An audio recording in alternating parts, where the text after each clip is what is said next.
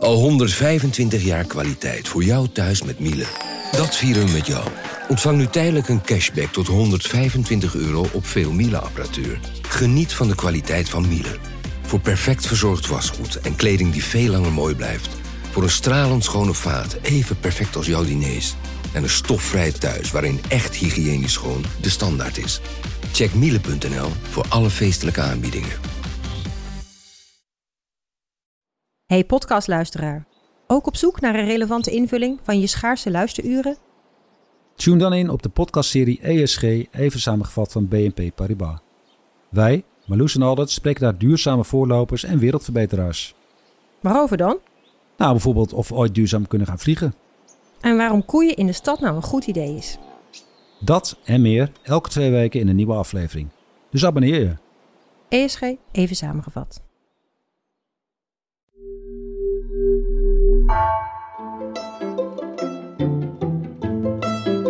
Welkom. Wij zijn Onbehaarde Apen. Dit is een podcast van NRC over wetenschap.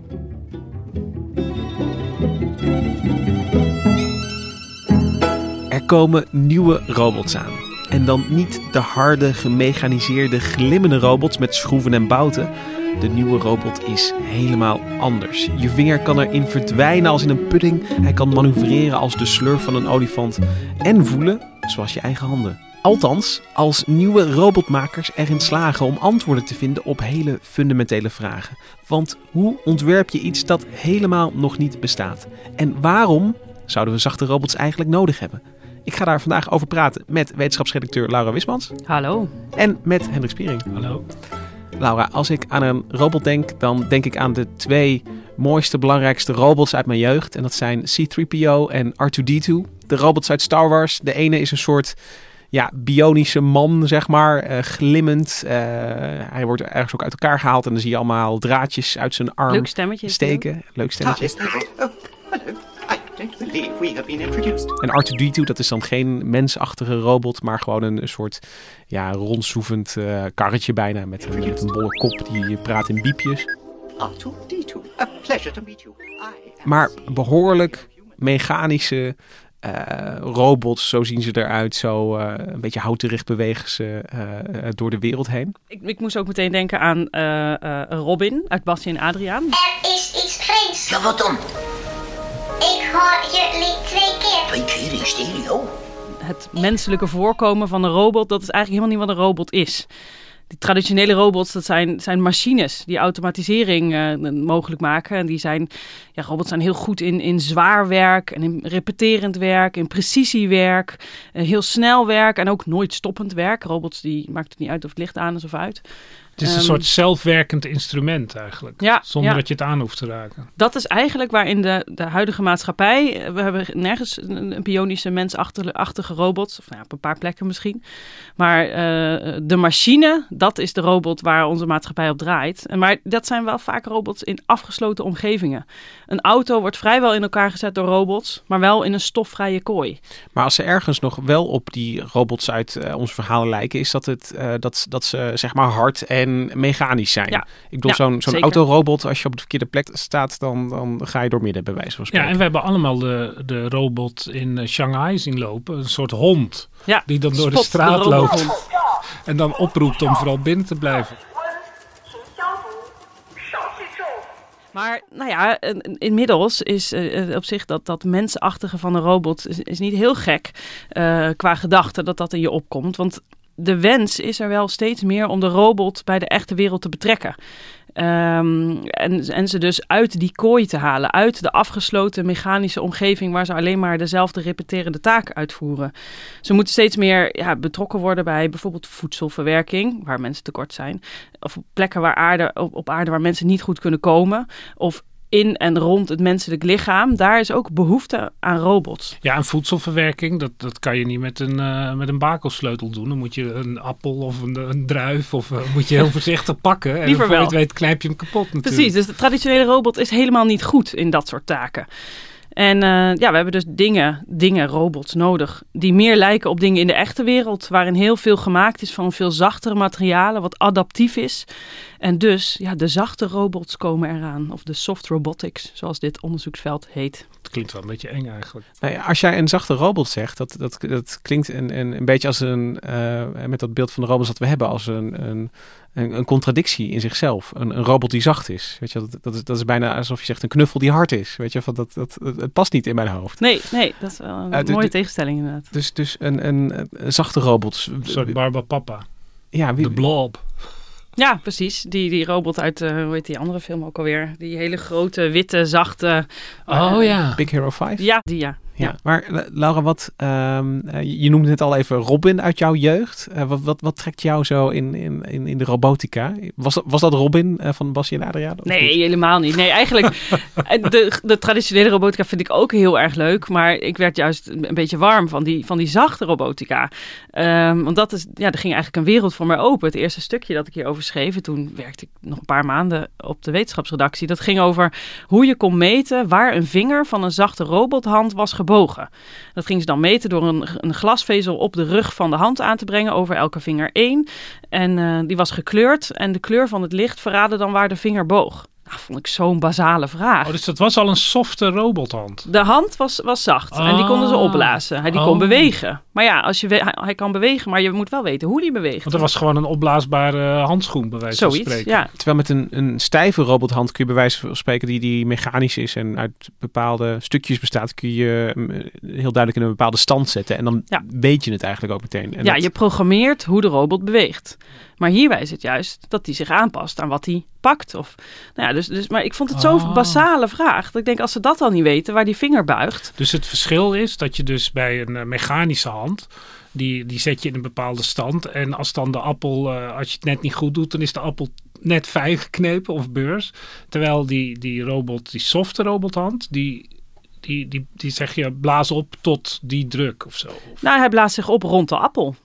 Nou kan je natuurlijk ook bij een harde robothand best wel heel goed programmeren dat als hij iets raakt, dat hij niet meer verder beweegt en zo. Maar de, ehm, dat is best wel ingewikkeld Ja. en er komen heel veel bewegingjes en kleine dingen bij kijken. Terwijl als je hier... Hoort die elektromotor. Nou, ja. Terwijl als je hier een, een, een, een, een zacht ding opblaast en hij, je weet dat hij ongeveer de vorm gaat maken van rond, namelijk rond een appel. En daarna past hij zich aan. En hoe, hoe is die appel groot, klein, eh, met een bonk of zonder bonk? Eh, hoef je allemaal niet te programmeren Nee, natuurlijk. dat, dat is, dat is de, de- ja, de, het wonder van deze zachte Oké. robot. Maar, maar het is dus die, die, ehm, eh, die ja, wilde fase eigenlijk waar die, die zachte robotica in zit. Waar, waar ze nog allerlei eh, kwesties hebben op te Ja. lossen die, die jou eh, hierin trekt. Ja, de futiliteit van de vragen maakte dat ik dacht, nou, ze zijn nog helemaal nergens. En ondertussen is het ontzettend creatief waar ze mee bezig zijn. En, eh, eh, ja, en ondertussen kan het misschien wel leiden tot een hele nieuwe familie van robots. Dus ik vond het heel gaaf om dit te gaan volgen. Het gepruts en de creativiteit. En ja, wie weet waar we over tien jaar zijn. En dan eh, heb ik dit mooi maar eh, gevolgd. Ja, ik. maar een, een, een, zachte robot, eh, wie werkt daaraan? Wat, je zegt die, die droom bestaat. Wie hebben eh, die droom? Het is een, een hele jonge tak van wetenschap eigenlijk. Waar sinds ongeveer 2010 begonnen de eerste papers daar zo'n beetje over te, te verschijnen. Ehm, en daar werken wetenschappers uit heel veel vakgebieden eigenlijk eh, eh, in, in samen. Want er komen in zo'n één zo'n robot komen heel veel dingen samen. Het gaat niet alleen maar over ontwerpen en informatica, zoals bij traditionele robotica misschien meer het geval is. Het gaat ook over materialen, over mechanica en ook over biologie. Dus he- ja, mensen met hele verschillende achtergronden werken ineens aan, eh, aan robots. Belangrijke begrippen zijn zachte materialen dus. Ze moeten adaptief zijn. Ze moeten veilige interactie hebben. En En wat dat is dan adaptief? aan de omgeving kunnen aanpassen. Eh, dus ze moeten met een, met een, eh, een, een onverwachte omgeving kunnen Ja, omgaan. ja, wat dan weer een beetje artificiële intelligentie is. Dan Misschien, natuurlijk. ja. Nou ja, of eh, mechanische intelligentie. Ja, daar komen we nog Oh, op, incorporated. ja. Maar het is niet toevallig dat dat toen een beetje begon. In 2010 begon dit dus een beetje te groeien. En, en, en, en dat kwam doordat de interesse groeide. We wilden dus meer bij ons de rest van de maatschappij betrekken. Uit die kooi halen. En tegelijkertijd kwamen er ook meer mogelijkheden om het te maken. De 3D-printer. Eh, die deed toen ongeveer zijn intrede. En eh, ooit was het de belofte van, van de 3D-printer dat we er allemaal eentje in onze woonkamer zouden hebben staan om daar kleine stofzuigeronderdeeltjes van te printen. Ehm, nou, dat is niet gebeurd, maar die 3D-printer heeft zich wel heel erg ontwikkeld. En dit is echt een vakgebied dat ook drijft op de 3D-printer.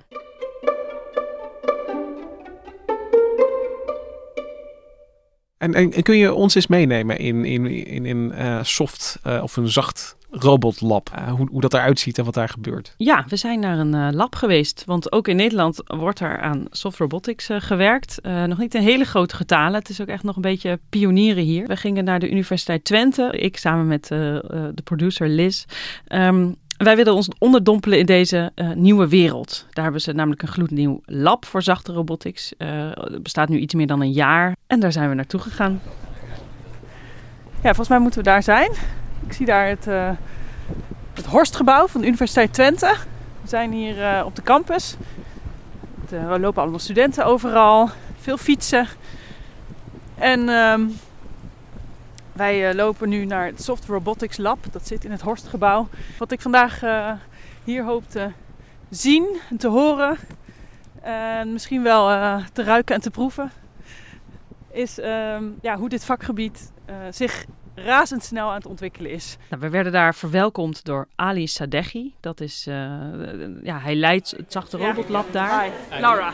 Hij haalde ons beneden op en het was me goed ook, want eh, we moesten talloze gangen en trappen door en, en over ehm, voordat we bij eh, het lab aankwamen. Okay, so welcome. Here is the Soft Robotics Lab of University of Twente. I'm Ali Sadeghi. I'm an assistant professor in the Department of Biomechanical Engineering of University of Twente, where actually I'm leading the Soft Robotics Lab. So I have uh, two PhD students working in this area and uh, four or five master students and I would say a lot of bachelor students. Het was echt heel leuk eh, om daar te zijn. Wel lollig misschien. We hebben de hele, eh, eh, hele dag eigenlijk geen zachte robot gezien. Alleen maar dingen die ooit een onderdeel van een zachte robot kunnen zijn.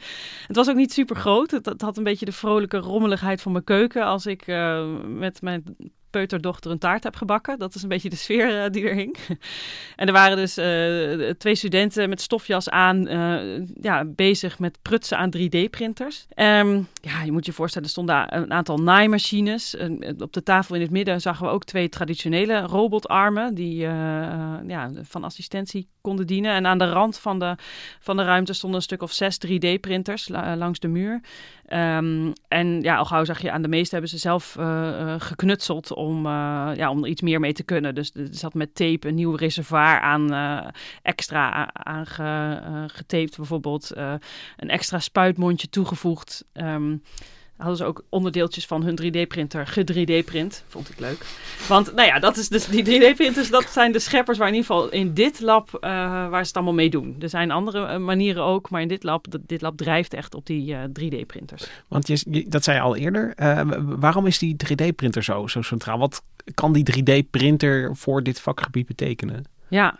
ja, het leuke ervan is, je kan er alles mee printen wat je, eh, wat je wil. Dat is de, de belofte daarvan. En dat, ja, dat gebeurt hier eigenlijk ook. Eh, niet plat zoals je printer eh, op papier print, maar dus in 3D. Dus je kunt structuren printen. Maar wat ik zelf met de 3D-printer eh, heb ik een aantal schedels laten uitprinten. Voor, of, dat, dat was een project samen met Hendrik Ja, eigenlijk. trots van onze redactie. nog staan hier nog steeds Ja, ja, eh, schedels van, van uitgestorven mensen achter. Ja, op ware grootte. Dat is Ja. ideaal. Eh, maar, maar wat ik me daarvan weet is dat dat, ehm, ja, dat, is dan, dat wordt dan wel hard. Dat wordt een beetje een hard plastic. ja, precies. Eh, de- en dat, je ziet altijd die printlijntjes hier er ook nog een beetje, een beetje in als je er goed naar kijkt. Maar eh, dat is niet iets per se wat ik met, een, met, met zachtheid eh, Nee, associeer. Als je zo'n schedel tegen je hoofd krijgt, dan, dan doet het zeer. zeg Ja, maar. dat is ook eigenlijk precies waarom er dus waarom er heel veel geprutst moet worden aan die 3D-printers.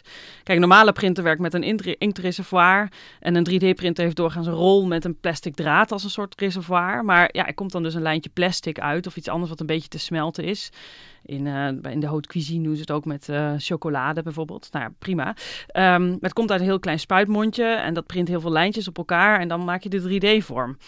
Ehm, maar ja, hier willen ze eh, heel veel andere dingen. Ze willen zachte materialen printen. Maar ja, dat moet dus wel in de vorm waarin jij het wil. Nou, dat is, dat, alleen dat al is een zoektocht. Daar zijn ze dan mee aan het tweaken. Ja. En, eh, ja, ja. Want want je zoekt dus een soort combinatie eigenlijk, als ik het goed begrijp, tussen eh, je, je wil dat zachte, dus een, een- wat, wat ik ook een beetje associeer met, met vormloos of in ieder geval bewegelijker. Maar tegelijkertijd wil je wel dat het bijvoorbeeld die vorm van een hand heeft of iets anders. Ja. Waardoor je toch wel weer het moet wel een beetje bij elkaar blijven en een Ja. bepaalde vorm hebben. Ja, ze werken daar met veel zachte rubbers en vezels van verschillende soorten zachte plastics. Hoi, ik ben eh, Nick Willemstein. Ik ben een PhD-student onder Ali Sadeghi. Daar aanwezig was ook eh, Nick Willemstein, hij is promovendus daar. Ja, hij promoveert eigenlijk op de vraag wat voor materialen en wat voor structuren kunnen we uit die apparaten krijgen. Hij is echt de, de printerman, zeg maar.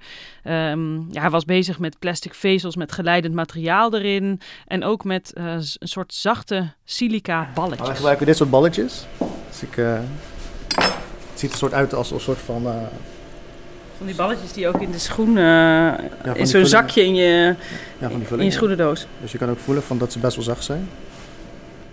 Oh ja, maar niet heel zacht. Ik dacht... eh, Nee, maar ze zijn zachter als je helemaal geprint hebt. Ah, kijk. Ja, ja. Dus ze zijn heel erg zoekende naar welke materialen je er doorheen kunt duwen. En wat doen ze eigenlijk als ze gesmolten zijn? Hoe krijg je ze er überhaupt doorheen? Dat was bij die, bij die zachte balletjes waar we net over hoorden helemaal niet vanzelfsprekend. Bij een, eh, bij een normale 3D-printer kun je daar zo'n zo'n stengel van dat harde, harde plastic... kun je met, met een beetje kracht eh, eh, in zo'n spuitmondje duwen. Maar dat, dat lukte hier al niet.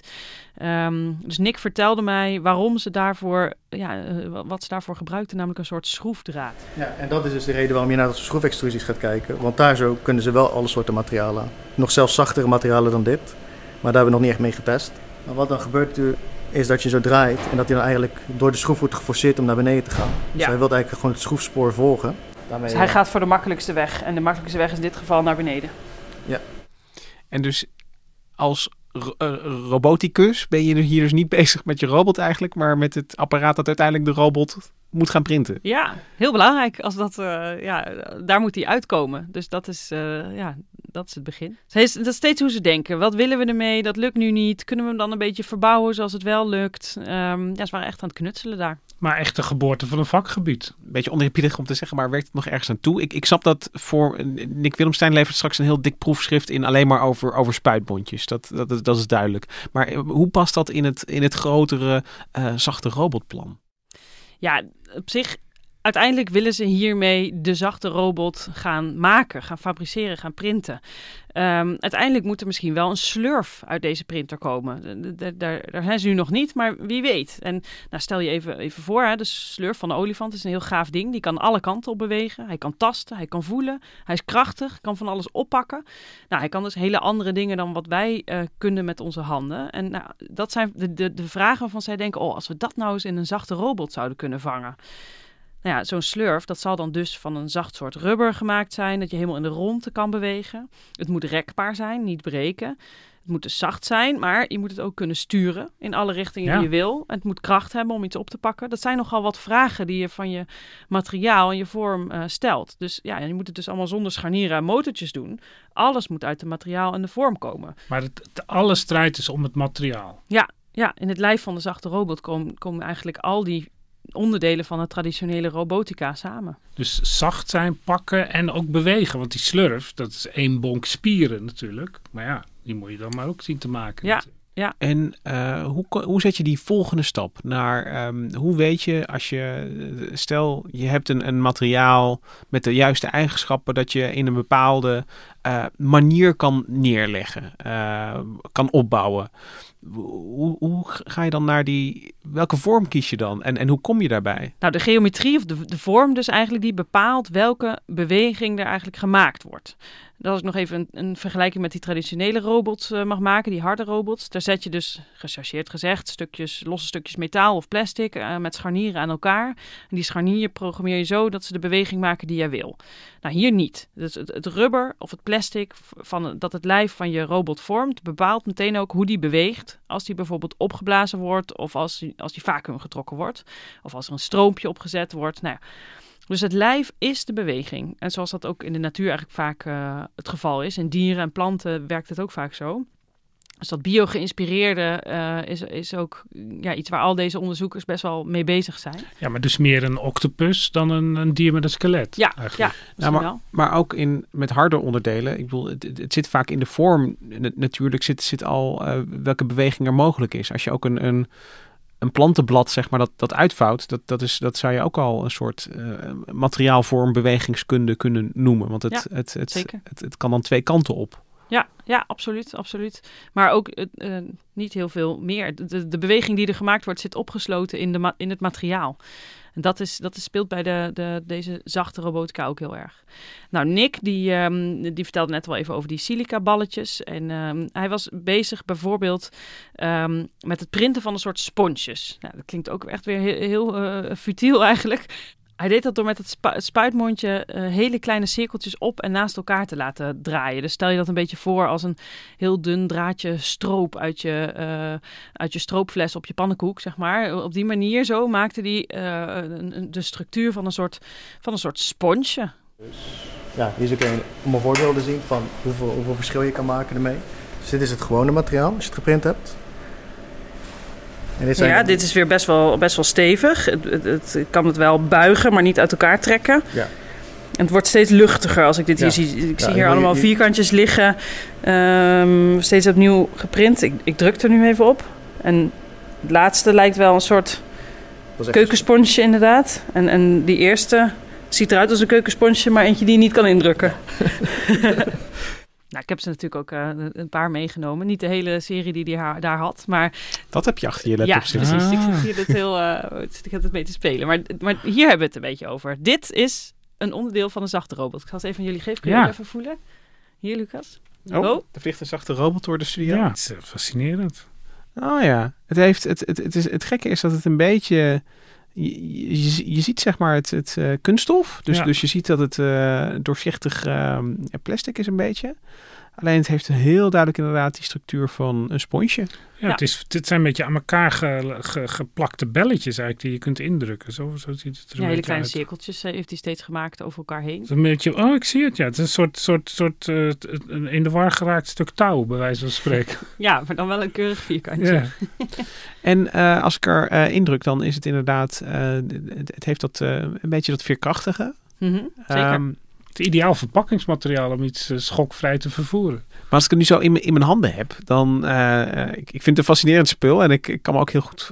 Dat je, je kunt er een soort fidget eh, product van maken, denk ik. Ik zit hier ook de hele tijd te friemelen. Ja, nu het, is- jullie het, ook. het is echt een stressballetje eigenlijk. Ehm, maar, eh, en ik kan er ook heel goed voorstellen dat je inderdaad dit eh, ge- gebruikt om eh, je om apparaten veilig in te pakken. Ehm, maar het, het voelt nog niet echt als een, eh, als een robot, als ik heel eerlijk ben. Er moet nog leven in geblazen Ja. worden. Het, in het, is nu nog een, het is nu nog materiaal. Ja, het is, het is eigenlijk het is een sponsje. Ja. Maar jij, jij vraagt je af, hoe, hoe, hoe krijg ik dit bewegend? ja, ja. uit zichzelf. Ja. Nou, kijk, als je dit nu... eh, we hebben nu hele simpele vormen Ja. en ook eh, de, de- dezelfde dichtheid. Maar stel je print hier eh, eerst een, een rechthoekje en daarbovenop ehm wat, wat, wat dikkere stukjes. Bijvoorbeeld in een diagonaal of juist, eh, eh, ehm, hoe heet dat? Horizontaal. Dan, ehm, en, je, en je trekt deze, de- dit dingetje vacuüm, dan krijg je een beweging. Omdat die door het materiaal ehm, er zit maar lucht één in, kant ja. op kan. Ja, ja precies. Is, je kan er gewoon door ademen in feite. Maar dan Ja. moet er een luchtdicht dingetje omheen Ja, en dan kan je hem blazen. En, eh, Ja. ja. En dan kan je bijvoorbeeld dus een, een wokkelbeweging krijgen. Of eh, nou, als je hem ge- ge- gewoon recht print, dan, dan krijg je een vinger die oprolt bijvoorbeeld. Nou, Nick, Nick liet mij ook zien eh, hoe die dat dan deed. Dit zijn dan buigdingen. Ja, Dus je ziet dat er kleine En, verstevinkjes tussen zitten en een plaat hieronder. dan buigt hij één kant op. En dan buigt hij één kant op. Want als je een vacuüm erop zet, kun je je zelf voorstellen dat die dan in elkaar valt zo. Ja. En dat je dan een buiging hebt. En dat is meteen een beweging die je in een robot zou kunnen verwachten. Ja, ik zou het zelfs nog zo direct kunnen laten zien met deze jongen. Nou, heel graag. En dan hebben we ook nog dit soort dingen. Dus je kan ook als je een ander patroontje print, je kan, wat denk je dat er zou gebeuren als je deze een vacuüm opzet? Eh, ja, die zuigt denk ik eh, diagonaal eh, naar elkaar toe. Dus ja. krijg je een soort van twist motion. ja, En daarmee kun je dus allerlei andere soorten van bewegingen creëren. Ja. Door gewoon hetzelfde printprincipe toe te passen, maar dan net op, net, net op een andere geometrie. ja, dus een verschillende vorm zorgt voor een verschillende beweging van het ding wat je gemaakt hebt. Ja, En het is allemaal hetzelfde materiaal. ja, ja het is alleen net anders geprint. Ik zag dus hoe een hele lichte structuur ook verrassend sterk was. ja, dit is heel stevig. Ja, dus we hebben het nu heel erg gehad over de beweging. Dat vond ik al heel erg interessant. Ehm, maar de kracht die erop te zetten is, natuurlijk ook heel erg eh, wel van belang. Ehm, want ja, je kunt wel zeggen, oké, een, een geprinte rechthoek, dat zegt me nog niet zoveel. Maar ehm, ja, het, het verbaasde mij echt hoe die vinger die zich naar binnen rolde, wat voor kracht je daarop kon zetten van zo'n ontzettend licht, sponsachtig materiaal. Dus ja, je kan zien dat hij heel veel kan vervormen. Hij kan gewoon bijna zal het zijn, 180 hij, hij buigt echt. Dus het, sponsje heb je in een soort eh, zak gestopt. Eh, in die zak eh, die zuig je vacuüm. En het sponsje buigt in de richting waarin jij ook wilde dat hij Ja, ja, ja. buigt. Hè? Ja, ja, want zoals, dit zijn eigenlijk deze jongens. Die Ja. dus een versterking hebben hier, hier, hier, hier. En een, ja, zoals je kan zien, de gewone materiaal zo te zeggen aan de onderkant. Ja. En dan kan die dus zo buigen als je een vacuüm erop zet. En wat maakt dat hij die kant op buigt en niet de andere kant op? Deze houdt het tegen. Mhm. En ja, dan door deze geometrie hier zo blijft Want het die ook gewoon. verdikkingen, die, eh, nou, ik denk, ik moet meteen aan mijn vinger denken. Mhm. Zou ik dat als vingercoaches kunnen zien? Of wat doen die verdikkingen? Ze werken als versterking, want als je dus eentje hebt zonder, Ja. is het dus veel moeilijker. Dan heb je veel minder controle over hoe die gaat bewegen. En wat je dus vaak ziet in de literatuur ook, is dat als je zulke vormen doet, dat je veel beter en meer, meer kracht eruit kan krijgen. Ja, ja. Inderdaad, als ik hem terug wil buigen, dan wil hij snel weer terug. En ook alleen die kant op, hij gaat niet ineens naar boven. Hij buigt echt Ja. één kant op. Nou, ik vind het wel wonderlijk, want sinds nu ik hier naar luister en hoor, het, krijgt dit, dit rare plastic eh, spotje ineens een soort organisch karakter. Omdat je voelt ineens dat het, ja, het het wordt een beetje kan. vlezig wordt, zeg maar. Dat Ja. het iets kan pakken. En ik moet me dus zien, het zat er eigenlijk in een soort eh, eh, een vinger in een handschoen, stelde ik me bijna voor. Het zit dus in een zakje, waardoor, Nou, wa- waardoor dit, je ja, dat... dit was nu nog in het stadium van gewoon een soort boterhamzakje eromheen. Ja, precies. Ja. En eh, eh, ik, ik begin een beetje eh, te, te, te voelen waar het, eh, eh, waar het zeg maar heen gaat. Want eh, hij, hij beschreef ook echt een beetje van... Het is nu een beetje de sport om te laten zien wat je hiermee mee kan. Met, met hoeveel eh, eh, kracht of snelheid je zo'n eh, eh, zo'n vinger kan laten buigen. Moet ik het zo voor me zien? Ja, dat zijn inderdaad. Kijk, er heeft nog nooit iemand op deze manier een, eh, een, robotvingertje geprint. En, en, welke kracht daar dan op te zetten is, dat is allemaal nog wel helemaal onontgonnen terrein. Ehm, ja, in dit geval eh, ja, was hij dus bezig met, met wat kunnen we allemaal met een vacuüm. Je kan ook iets onder stroom zetten waardoor materiaal in beweging komt. Of door magnetisme toe te passen. Er zitten heel veel manieren om beweging eh, toe te passen. Eh, het andere waar ze hier in het lab ook mee bezig waren was het tegenovergestelde van een vacuüm. Namelijk door iets op te blazen. Ook heel geschikt voor robots die met een 3D-printer geprint worden. Ja, nou, opblazen, heel eenvoudig natuurlijk, door, door lucht in een hol ding te blazen. eh, te blazen. Ik heb het gisteren nog gedaan met ballonnen. Nou, kijk, ja, het is meestal rubber. In dit geval dus ook rubber dat dan een vorm aanneemt. Eh, maar ook hier geldt weer, de vorm die het aanneemt, dat bepaalt, wordt weer bepaald door, eh, door de geometrie van wat je uit de printer hebt laten komen. Ja, en hoe hard en zacht je blaast ook Ja. natuurlijk. En hoe hard en zacht het rubber is. Ja, ja. Er wordt trouwens ook veel gebruik gemaakt van mallen. Eh, want daar is dat zachte rubber heel- ook heel geschikt voor. Maar dat is minder precies en je kunt ook minder materialen combineren en zo. Dus die 3D-printer, daar ben je in principe flexibeler mee. Ehm, nou ja, hoe zij dat dan nu deden, was dat ze ehm, eh, een, een hol ding nemen. We nemen maar steeds de vinger als een voorbeeld, want die, dat kan iedereen zich goed voorstellen. Ehm, maar dan heb je op, in, in dit geval, eh, heb je op strategische plekken verdikkingen. En die buigen minder goed dan de dunnere stukken. Ehm, dus dat forceert weer, als je eh, het, holle ding opblaast, forceert weer de beweging. En dat is dan hoe de geometrie, dus de plaatsing van al die verdikkingen, Ja. hoe dat dan eh, de beweging forceert. Ja, ja. precies. Een andere manier om dat te forceren was door eh, eh, draad eromheen te, te, te draaien. Van dat laatste ehm, liet masterstudent Arman Gostaspi mij ook een voorbeeld zien. Hij de bungelde, bungelde drie vingers aan een soort schijf. Die schijf is dan een soort van handpalm. En ja, die zat weer vast aan een installatie waar die lucht in de vingers kon blazen. Dus die vingers die bliezen op. En aan de buitenkant ontstonden een soort luchtkussentjes. Daar zat dat plastic draad niet. En aan de binnenkant zat het plastic draad wel. En in die richting bogen ook de vingers. Ik zit hier nu dus met mijn vingers te buigen. Dat, dat ziet de luisteraar niet. Ja, een grijphandje. Ja, een grijphandje, inderdaad. Alsof ik op de kermis eh, hier nu ehm, een knuffel ergens eh uit ga halen. Dat klinkt dus een beetje abstract, maar ze lieten me video's zien dat door lucht erin en eruit te laten, kon ze een, een, een schroef ergens indraaien of een, een dop ergens afdraaien, een speelgoed vastpakken. Eh, alleen maar door ja, lucht erin en eruit te laten. Maar we hebben nu eigenlijk dus eh, heel veel van wat robot moet doen. Eh, eh, bewegen, acteren, eh, hij, hij doet dingen. Alleen, er mist nog een soort terugkoppeling voor mijn gevoel. Een, een soort, ehm, de, robot moet ook een beetje weten wat hij doet. Of, of, of daar in ieder geval op, op kunnen reageren. Dat maakt iets voor mij een, een robot toch? Weet je, ja, van- hij is nog niet echt bestuurbaar nu, hè? Nee. Nee, nee.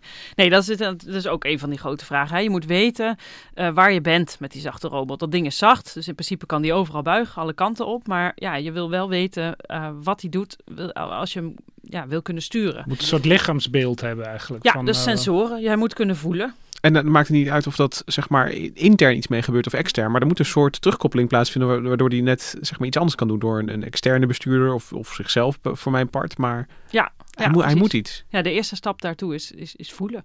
Het, het geprinte eh, sponsje ligt nu tussen twee, ehm, nou ja, een stukje staal met een heel klein handvatje erop. En als ik die eh, indruk, dan zie ik op het computerscherm wat hierop aangesloten is, dat er ehm, een lijntje gaat bewegen. Wat doet dat lijntje eigenlijk precies? Dat lijntje laat gewoon zien wat voor weerstand het is. Dus bijvoorbeeld, je ziet nu dat als je hem helemaal afhaalt, dan weet je dus dat er geen geleiding is. Ja, dan zie je dus dat de weerstand kleiner wordt. En dan kun je dus, eh, zou je kunnen meten van hoeveel eh, vervorming er is. Door hoeveel druk eruit wordt geoefend door de persoon of hoeveel, ja, hoeveel kracht wordt geleverd. Ja. En er, er loopt nu een heel klein stroompje van eh, het, het, plaatje, het bovenste plaatje naar het onderste plaatje via het sponsje. En eh, hoeveel, hoe snel de stroom door het sponsje gaat, eh, dat laat zien hoe hard ik nu op de bovenkant druk. Toch? Ja. Ja. Dus in- ineens is het, it's alive. Het, het, het, voelt wat door het onder stroom te zetten. Ja, nou deze nog niet. Hè? Die jullie nu in de hand hebben, dat is alleen maar eh, wit en dat is maar één materiaal. Eh, maar hij heeft ongeveer van diezelfde soort silica balletjes. Daar heeft hij ook een geleidende variant van. Volgens mij zit daar een beetje koolstof doorheen gewoon. Zwart ziet het eruit. En dan heeft hij dus in zijn 3D-printer, wil hij ineens twee dingetjes printen. eh, namelijk eh, dit witte materiaal van de normale silica balletjes. En daardoorheen ook ehm, een zwart draadje met de geleidende variant. Want dan ineens kun je dus eh, ehm, ja, kun je de robot laten voelen. Dan weet hij in hoeverre die wordt waar en hoe hard er in, in hem wordt ja, gedrukt. Want hoe dichter natuurlijk tegen elkaar aan, hoe, Hoe beter, beter de stroom er doorheen gaat. ja, absoluut. En als je het eh, nu hebt over eh, stroom er doorheen jagen, dan eh, is dat niet tegelijkertijd stroom die ook iets met die beweging kan doen? Is, is, of is dat... Nou, dat kan ook, maar daar waren ze hier nu op dit moment niet mee bezig. Dit ging echt om het, om het laten voelen. Dus zij gebruiken dit geleidende materiaal om de robot te laten voelen. Kan je ook nog op andere manieren doen. Licht is ook eentje. Ik noem, noem- noemde net al helemaal in het begin, hè, want die, die, waar mijn fascinatie begon. Eh, dat stukje dat ik schreef, dat ze eh, een glasvezel over een eh, robothand laten, hadden laten lopen. En door de beweging van het licht, of de kleur van het licht, wisten ze waar die, die hand buigt. Ehm, nou, dat, dat, is er ook, dat is er ook één, licht. Er zijn vast ook nog meer manieren, maar geleiding en, ehm, en licht zijn wel manieren waarmee je de robot kunt laten voelen. Maar eigenlijk hebben we nu dus alle ingrediënten voor een robot. Want je hebt zeg maar vorm en materiaal en, en hoe je dat zeg maar samenbrengt. Eh, we hebben die beweging. eh, je trekt het vacuüm, je blaast het op, eh, je doet er van alles mee. En ze kunnen dus ook al registreren wat het ding doet en, en hoe het zich door de ruimte beweegt. Dus We zijn klaar. we hebben een robot. Nou, zo makkelijk is het natuurlijk weer niet. Nee, dat, vooral dat, dat, dat voelen en dat, dat vraagt iets, iets anders weer van die, van die 3D-printer. We zeiden het al, Nick die had een, eh, eh, het ene silica balletje en dan moest hij andere silica balletjes bij hebben om hem te laten, om te laten voelen. Je hebt twee materialen moest hij, eh, moest hij combineren en dat, dat, gaat niet, dat is niet vanzelfsprekend. In dit geval moesten ze daar echt de printers nog voor ombouwen bijvoorbeeld. Want ehm, nou, neem weer Nick met zijn sponsjes. Hij moest de hele tijd, elke keer dat hij het geleidende materiaal eh, erin wilde stoppen, moest hij dat hele ding schoonmaken. En eigenlijk lukte dat ook niet zo heel goed. En dan ja, was de robot weer verprutst. Ehm, dus ehm, ja, ze waren echt nog aan het zorgen dat er twee materialen tegelijk uit één eh, printer eh, zouden komen. Ehm, er was ook iemand anders aanwezig die ook heel erg hiermee bezig was. Eh, zo een masterstudent, Arman Gostasbi. Die was heel erg bezig met de zachte rubbers. Daar is de 3D-printer nog niet zo goed mee. Die rubbers worden veel vaker gebruikt met mallen. En ja, je moet je voorstellen dat iets, als iets helemaal gesmolten is in het reservoir, dan heeft het niet een mooie stevige vorm als het nou eenmaal uit het spuitmondje komt. Het, dat loopt helemaal uit. Om even weer naar mijn pannenkoek terug te gaan. Als de stroop op je pannenkoek zit, dan, dan, dan door de warmte zakt dat helemaal eh, uit. Dat is heel moeilijk werken. Nou, ze willen toch graag die twee rubbers eh, uit, dit, eh, uit die 3D-printer krijgen. Gewoon om- omdat ja, misschien wel een hele mooie nieuwe manier is om, om zachte robots te maken. Ehm, Maar het was, een heel, het was echt een eindeloos gepriegel. De 3D-printer uh, gaat aan. Uh, we werden net al gewaarschuwd. hij heeft in principe een jaar om aan dit probleem te werken. En hij is halverwege. Dus of het nu gaat werken is, is de vraag. Ik vind het wel spannend, moet ik zeggen. Wat, wat we nu gaan zien. Zij allemaal hier eigenlijk. Iedereen kijkt vol verwachting naar de 3D-printer.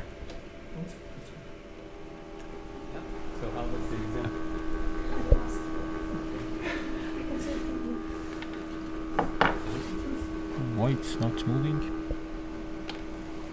And then it's better to I think stop it at I don't know why it did that one but I have to fix it sorry. I cannot show Soms werkt iets gewoon niet hè? Dat is ook uh, hoe de wetenschap werkt. Uh, je, je, werkt hier, uh, dit is gewoon werk van maanden. En weer even proberen, en weer nieuwe, nieuwe afstand, een nieuw dingetje. Iedereen staat nog steeds vol verwachting naar het ding te kijken. Ja, er gebeurt nu iets. Er loopt iets naar beneden, een heel klein druppeltje. Ja, ja we zien nu dat hij nog heel veel verder uitloopt. Dit moet getest worden, maar dit is niet de uitkomst waar hierop gehoopt werd wel troostende woorden, Laura. Ja, ze balen natuurlijk. Wij, wij wilden hier aanwezig zijn van iets wat misschien juist ook wel mislukt. Want dat is wel wat dit vakgebied natuurlijk is. Het is gewoon nog priegelen. Het is, het is aan de ene kant het hele creatieve en, en opgewekte. Maar ja, eh, als je heel veel dingen probeert, gaat er ook heel veel mis. Um, ja, dat is, dat is voor hen niet leuk om natuurlijk voor aan ons te laten zien. Maar voor ons voor het verhaal wel heel goed. Want ja, dit is gewoon uh, hoe het gaat. Nou ja, en, en laat zien dat je dus um, uh, een, een, jaar lang bezig kan zijn met echt iets. Ja, in, in uh, kijk, als dit probleem is opgelost, dan, dan is iedereen bijna het, het, dat is ook weer de tragieke van, dan is iedereen het vergeten, want dan, dan kan het vanaf dat moment. Maar ja. op het moment is het echt heel erg ploeteren. Ja, ploeteren, dat is wel inderdaad het mooie woord. En als je uiteindelijk dit, ja, inderdaad dit, uh, dit voor elkaar hebt, dan heb je gewoon heel mooi nieuw basismateriaal. Uh, maar ja, voordat je daar bent, uh, dan, dan heb je dit soort dingen. No, this is uh, his every day is like this. He's, every day is like this. So it's a part of his life is as a researcher. So his failure is a part of research, and he's not actually failing. He's just yeah, it's happy. And also a little Murphy rules. So when you are presenting, it doesn't probably work. Murphy's law, zei hij. Omdat wij er waren, natuurlijk lukt het die dag niet. Nee, maar hij zei nog veel meer, want failing is part of the research. So ja. it isn't failing. Nee, nee, dit is gewoon, dit is het werk. Als je iets nieuws wil maken, ja, dan gaat het heel vaak mis. En dan pas weet je hoe het wel moet natuurlijk. Ja.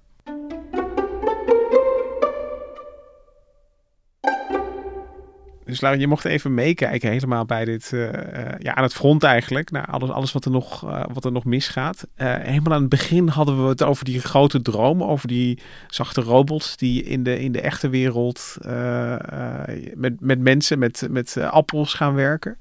Um, is dit, hoe groot is dit? Hoe haalbaar is dit? Hoe ver weg is dat?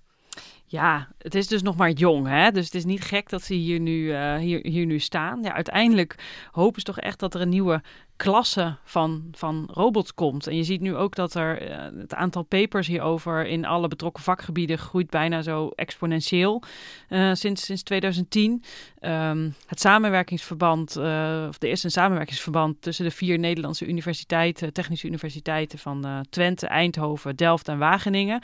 Die werken samen aan soft robotics, maar ook pas sinds 2018, 2019. Dus het is echt nog, ja, het is niet gek dat we hier um, um, nog, het staat nog zo in de kinderschoenen.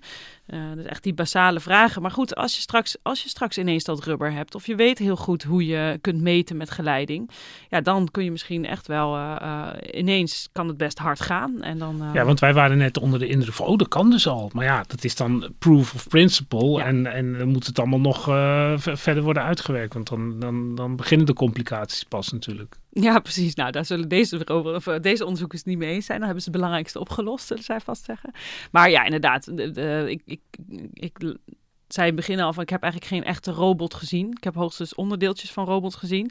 Uh, maar uiteindelijk is dat natuurlijk wel, uh, wel de droom dat deze robots zelf kunnen, uh, kunnen bewegen. En, en, maar goed, ja, dat zijn, daar komen weer hele nieuwe andere vragen uit naar maar voren. Ik, ik heb dan meer het gevoel dat ze op een op, dat het onderdelen van een harde robot worden. Dus dat je dan wel een, een, een, robot op wieltjes rijdt door die uh, boomgaard, bij wijze van spreken. En dan komt zo'n heel zacht handje, die gaat dan die appel pakken. Ja, wie weet. Dat is trouwens wel eentje wat, wat je nu noemt. Dat is ook wel iets wat in de voedselverwerking al wel een beetje gaande is. Soft grippers heet dat. Daar hebben ze dus in die fabrieken waar uh, aardappels gesorteerd worden bijvoorbeeld, hebben ze dan, zijn de, de handjes zijn, zijn zachter materiaal. Uh, dus er zijn ook wel hybride vormen en zo mogelijk. Maar dat is natuurlijk niet waar deze onderzoekers nee, op dit is dus veel fundamenteler en revolutionairder. Ja, dus dan gaat er een soort blob door die boomgaard die dan uh, van alle kanten zo... Nou, wie weet. Nee, dat, ja, zoiets. Maar ik vroeg Ali ook wat hij over een jaar of tien voor zich zag. Want ja, je, dit, dit kan alle kanten nog op. En hij hoopte eigenlijk om super eenvoudig bewegende ledematen te kunnen printen. In alle vormen, maten, wat hij wilde. Like to have first a very nice actuator, which is in, in the shape of fiber. and then the 3D printers are successful enough to put it in any desired shape that I command the machine. Then that would be the time that we can print something like an animal, uh, just as a dream. And then I can imagine that soft robotics has a lot of application in wearable robotics and in some domestic application in interactive design. Which probably, for me, they are not fiction. They are just uh, just decide to make it. Het heeft ook nog iets uh, dat nog over dit soort dromen gaat en zo. Ik snap al waarom je.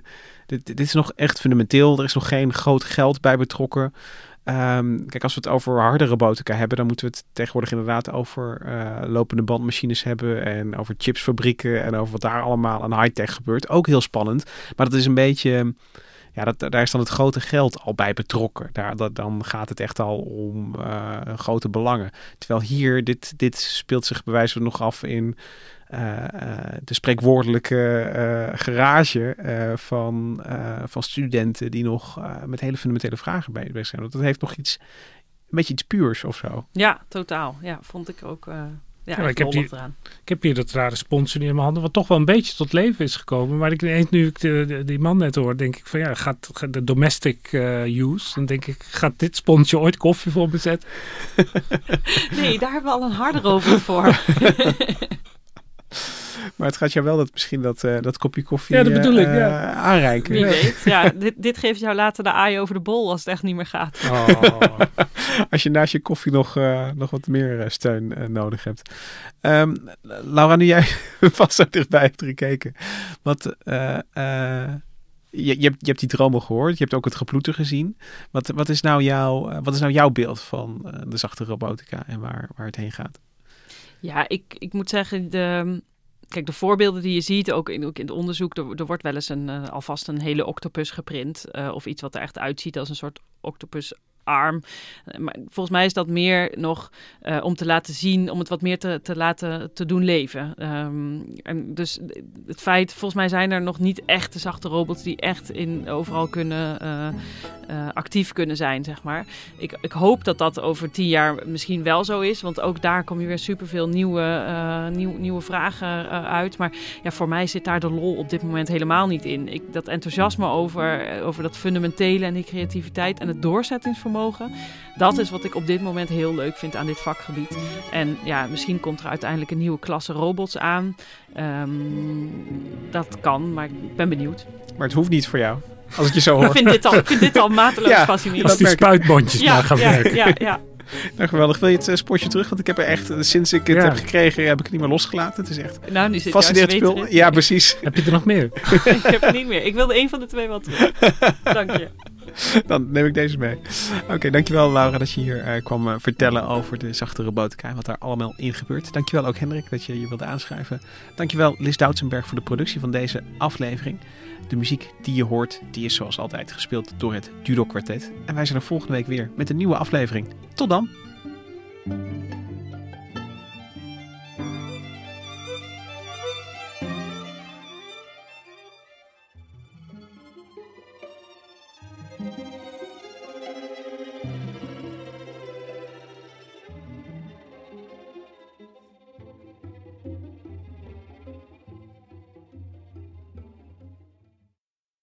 Technologie lijkt tegenwoordig het antwoord op iedere uitdaging. Bij PwC zien we dit anders. Als we de potentie van technologie willen benutten, kunnen we niet zonder een menselijk perspectief. Human-led, tech-powered noemen we dat. Ga naar pwc.nl.